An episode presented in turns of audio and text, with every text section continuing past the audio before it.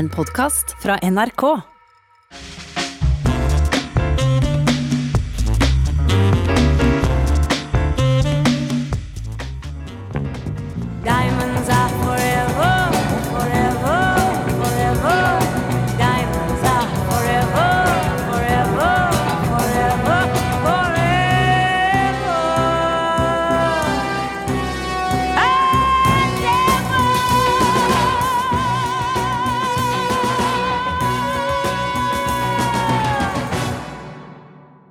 Det var eh, 'Diamonds Are Forever' med Shirley Bassey.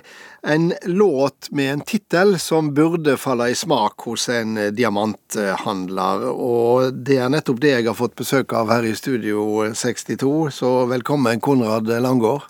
Tusen takk. For du er juveler og eh, kan melde om stor interesse for edle steiner også denne jula.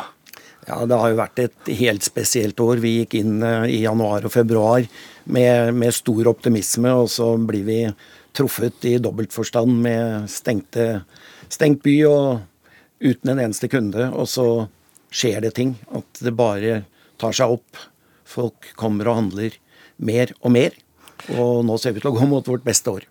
Hvis de går vekk fra handelen, men ser på det dere handler, Ja. eh, hva er det som gjør at akkurat diamanter nesten til alle tider og fremdeles virker så fascinerende på oss? Jeg tror det er, det er flere faktorer. Eh, For det første så er det skjønnheten. For eh, optimalt slipt så er det ikke en flottere sten, edelsten enn diamanter. Dernest så er det eksklusiviteten i den forstand at den er sjelden. Og dyr. Eh, Ja, da blir den jo eh, kostbar. Eh, Og så har du en veldig stor verdikonsentrasjon. Så hvis du tenker på verdens dyreste diamant, 2,6 cm lang, 2,1 cm bred, oval, gikk for 71,2 millioner dollar. Så, så sier det litt om det. Og så er det jo Da nærmer vi oss milliarden, nesten. Eh, Ja, vi gjør det. Eh, Og jeg, jeg hadde en sånn sammenligning som jeg så at eh, staten i 2013 bevilget ca. samme beløpet til byggingen av, av var det gjerne Ulriken, tunnel gjennom Ulrikken og Floen jernbanestasjon eller noe sånt. Så det sier litt om hvor, hvilken konsentrasjon det er. Og så er det alle disse historiene og mytene, da. Jeg leste en uh, morsom reportasje med deg i Dagens Næringsliv der du viser fram en diamant Ja. du fant i Hongkong Ja. tidligere i år og bare måtte ha med deg til Norge. Mm. Og du ble umiddelbart forelska, står det, og så er du sitert på følgende Har du sett for en skjønnhet? Mm. Er det sånn du har det på jobben, Konrad Langgaard? Ja, når jeg er ute og titter på diamanter, så er det det. Da er det skjønnheten jeg går for. Og det er, det er liksom bare det som teller. Jeg kan se tusenvis av stener, eh, og det er kanskje bare én jeg tar med meg. Kanskje er det ingen. Så det det er skjønnhet. Det er, det er hvordan stenen snakker til meg. Eh, har den noe som de andre stenene ikke har? Så, så moro har jeg det. Hva sier den steinen, da? Nei, den, den, den sier at uh, jeg er helt fantastisk, ta meg med hjem. Det blir liksom som en sånn speed-date.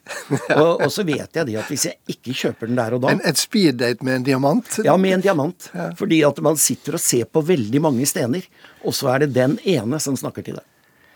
Så det er på en måte snakk om å finne den rette, den som eh, fascinerer øynene dine på et vis? Ja, det er akkurat det.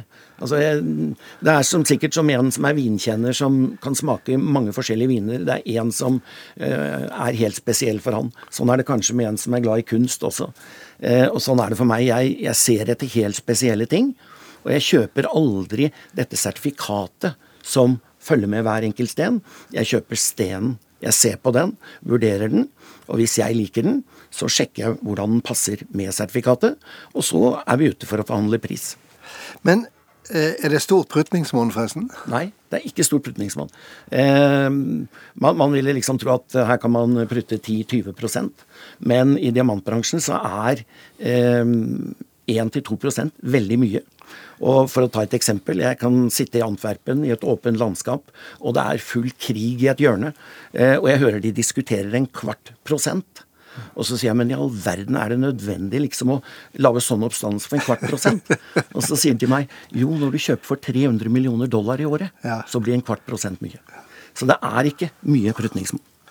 Nå har det vel kanskje litt med å gjøre at i enkelte land så er jo eh, pruttinga for stort Ja. eller lite en Ja. del av handelen også, mens Ja. du og vi her i Norge tilhører vel ikke en pruttekultur? Nei, vi, vi gjør ikke det. det. Det er helt riktig.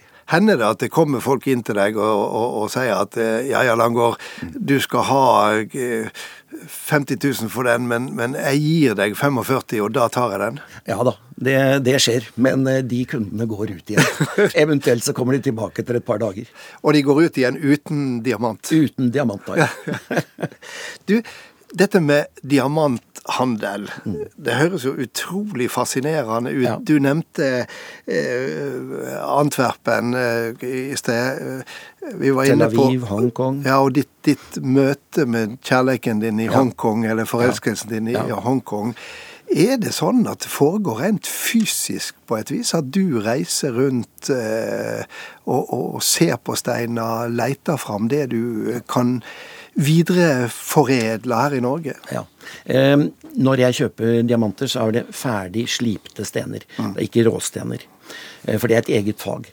Eh, men, men eh, det er det som gjør det vanskelig i koronatiden. For jeg er helt avhengig av å reise selv og se stener. Og da går jeg fra den ene til den andre eh, når jeg er på messe, eh, for å sammenligne, for å danne meg et inntrykk av priser og kvaliteter. Hvordan er etikken i eh, den bransjen? Vi har hørt om bloddiamanter, vi vet det har vært um, vakre steiner, store steiner, som er kommet ut av uh, gruver som uh, bokstavelig talt uh, driver arbeiderne sine til døde. Ja, og det, det er noe vi ikke er bekjent av, og eh, som bransjen sammen med FN ryddet opp i på 2000-tallet ved Kimberley-prosessen som ble ratifisert i 2003. Og der er alle diamantproduserende land eh, enige om at ingen råstener skal skifte eier eller grenser uten at det følger med et offisielt papir eh, som er i henhold til Kimberley-prosessen. Så du føler deg trygg egentlig eh, nå? Jeg er trygg på det fordi at jeg handler stort sett med ett firma som jeg har kjent i 38 år. Eh, de er direktekjøper hos The Bears og har måttet undertegne en avtale med The Bears på at de ikke skal drive med konfliktdiamanter. De har, Og det beste er i Sør-Afrika? det, det var et sørafrikansk ja. selskap. Eh, I dag så er jeg litt usikker på hvem som eier dem, men jeg tror Botswana, eh, staten Botswana eier mye av The Bears i dag. For Oppenheimer er ute av det, så vidt jeg vet. Jeg blir jo nysgjerrig på hvordan din vei inn til eh, dette faget var, og hvor henter du din entusiasme, din åpenbare entusiasme fra? Nei, vet du, det, det, er sånn, det, det er ikke noe sånt kall jeg fikk i ung alder, men jeg begynte på en gullsmedskole i Tyskland. Eh, og hadde lærere som eh, sa 'Konrad, er du ikke interessert i gemologi?' Det er læren om edelstener. Og da treffer jeg en mann en uke på kurs fra Köln som sier 'Har du lyst til å jobbe med diamanter sammen med meg?' Og jeg var ikke bundet opp til noe familie eller noe bedrift, og eh, fulgte han. Og sånn har det blitt at vi reiste verden rundt, tok ut stener for tyske og belgiske grossister. Og det gjorde jeg i, i tre år, og det er veldig lærerikt, øh, veldig morsomt.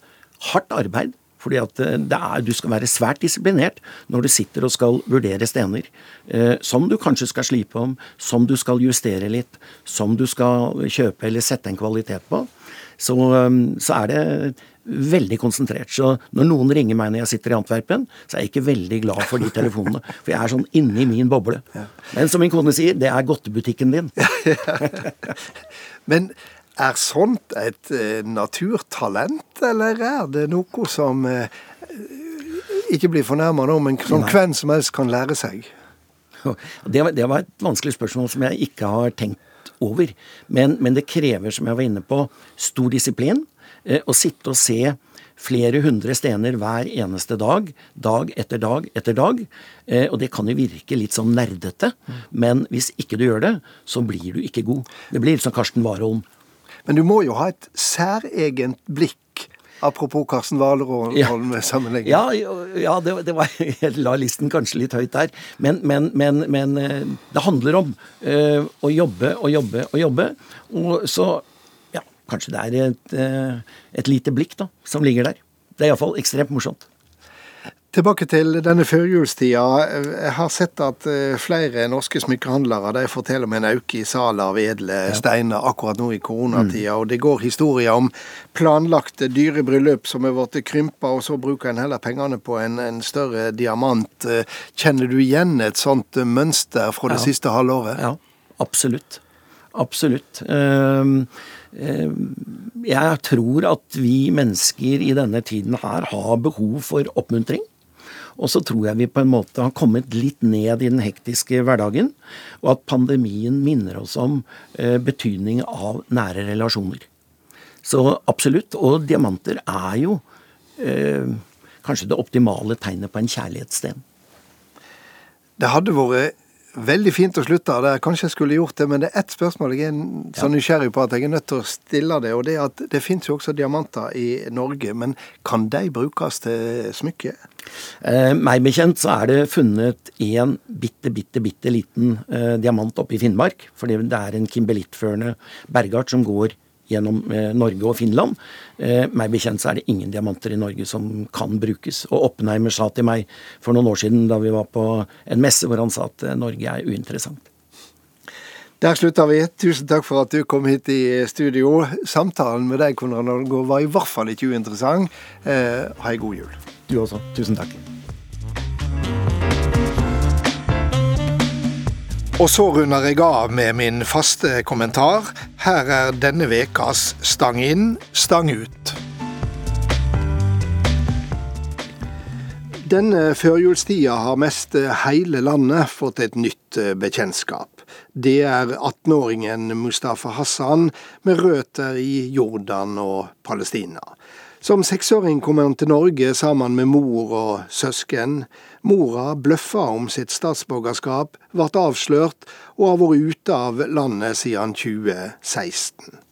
De siste fire åra har Mustafa og den ett år eldre broren Abdel vært her under tilsyn av barnevernet. De to har lenge kjempa i rettsvesenet for å få oppholdsløyve.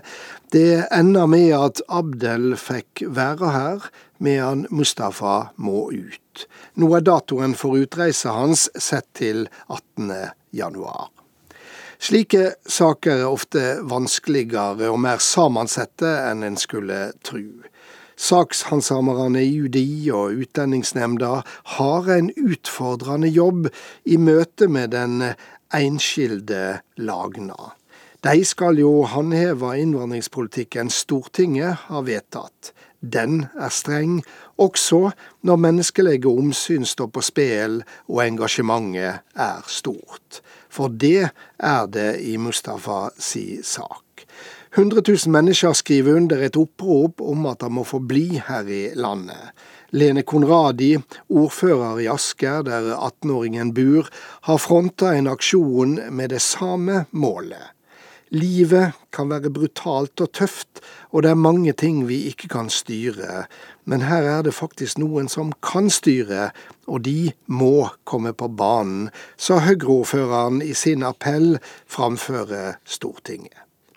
For eh, det er noe merkelig med Mustafa Hassans sak. Noe som opprører sindige folk som ellers ikke har det med å protestere i tide og utide. At to brødre får så ulik behandling, inviterer til å stille kritiske spørsmål. Det samme gjør det faktum at en 18-åring blir kasta ut bare et lite halvår før han er ferdig med videregående skole. Og det virker rart at eh, ikke en hel oppvekst her i landet blir tillagt avgjørende vekt. Det er i saker som dette at det må brukes byråkratisk eh, folkevett. For eh, det er ikke et tilfelle som Mustafa som slår sprekker i det innvandringsbyggverket vi holder oss med. Snarere er det i saker som dette det må legges vekt på både menneskelige omsyn og tilknytning til Norge. Annerledes kan det knapt sjåast når vi snakker om en 18-åring som har gått på skole her siden første klasse. Så er det lett å skjøne prinsippet om at foreldre har ansvar for de problem de måtte påføre sine barn. Det er vanskeligere å godta at arvesynden skal ligge som et ubrytelig prinsipp i norsk utlendingsforvaltning. Det ser ut til å være tilfellet i denne saka. Mustafa Hassan er blitt gutten Norge ikke vil ha. Sjøl kjenner han seg som norsk. Hvilket språk drømmer du på, blir han spurt av Dagens Næringsliv. Norsk kommer det kontante svaret. De nærmeste ukene vil avgjøre om det er drøm eller mareritt Mustafa Hassans netter skal fylles med. God helg.